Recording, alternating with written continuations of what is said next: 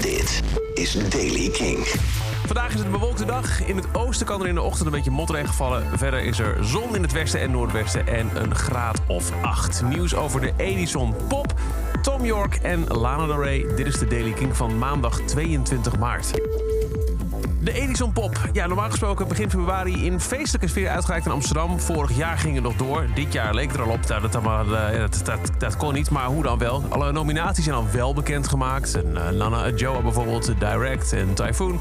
Maar de uitreiking, nou, er is nu duidelijkheid over. De uitreiking van de Edison Pop, de oudste en bekendste muziekprijs van Nederland, zeg gerust de Grammy Awards van Nederland. Die zijn aanstaande zaterdag in een speciale uitzending van het televisieprogramma Matthijs gaat door. 27 maart, dan wordt de Edison Pop uitreiking dus op tv gedaan. Hij haat Creep. En hij is Tom York, frontman van Radiohead. Het wordt bijna nooit meer live gespeeld door de band. Als het gebeurt, dan is het echt gelijk ook headlines over de hele wereld. Maar kennelijk houdt hij genoeg van mode om zijn afkeer van de classic één keer over het hoofd te zien. Hij deed uh, de soundtrack voor een Japanse modeshow afgelopen weekend. Voor de Jun Takahashi's herfst 2021 collectie. En daarin was op een gegeven moment een nagelnieuwe remix slash versie te horen van Creep van Radiohead. Luister maar. You're so.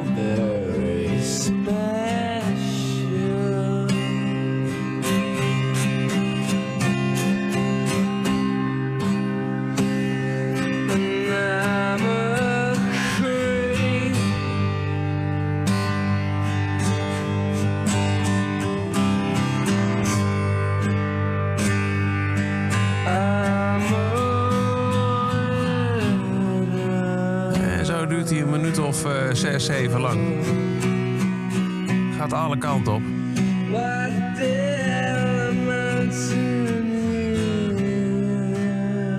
De nieuwe fashionlijn van uh, Jun Takahashi heet ook Creep Very. En daarmee is dit wel de ideale soundtrack.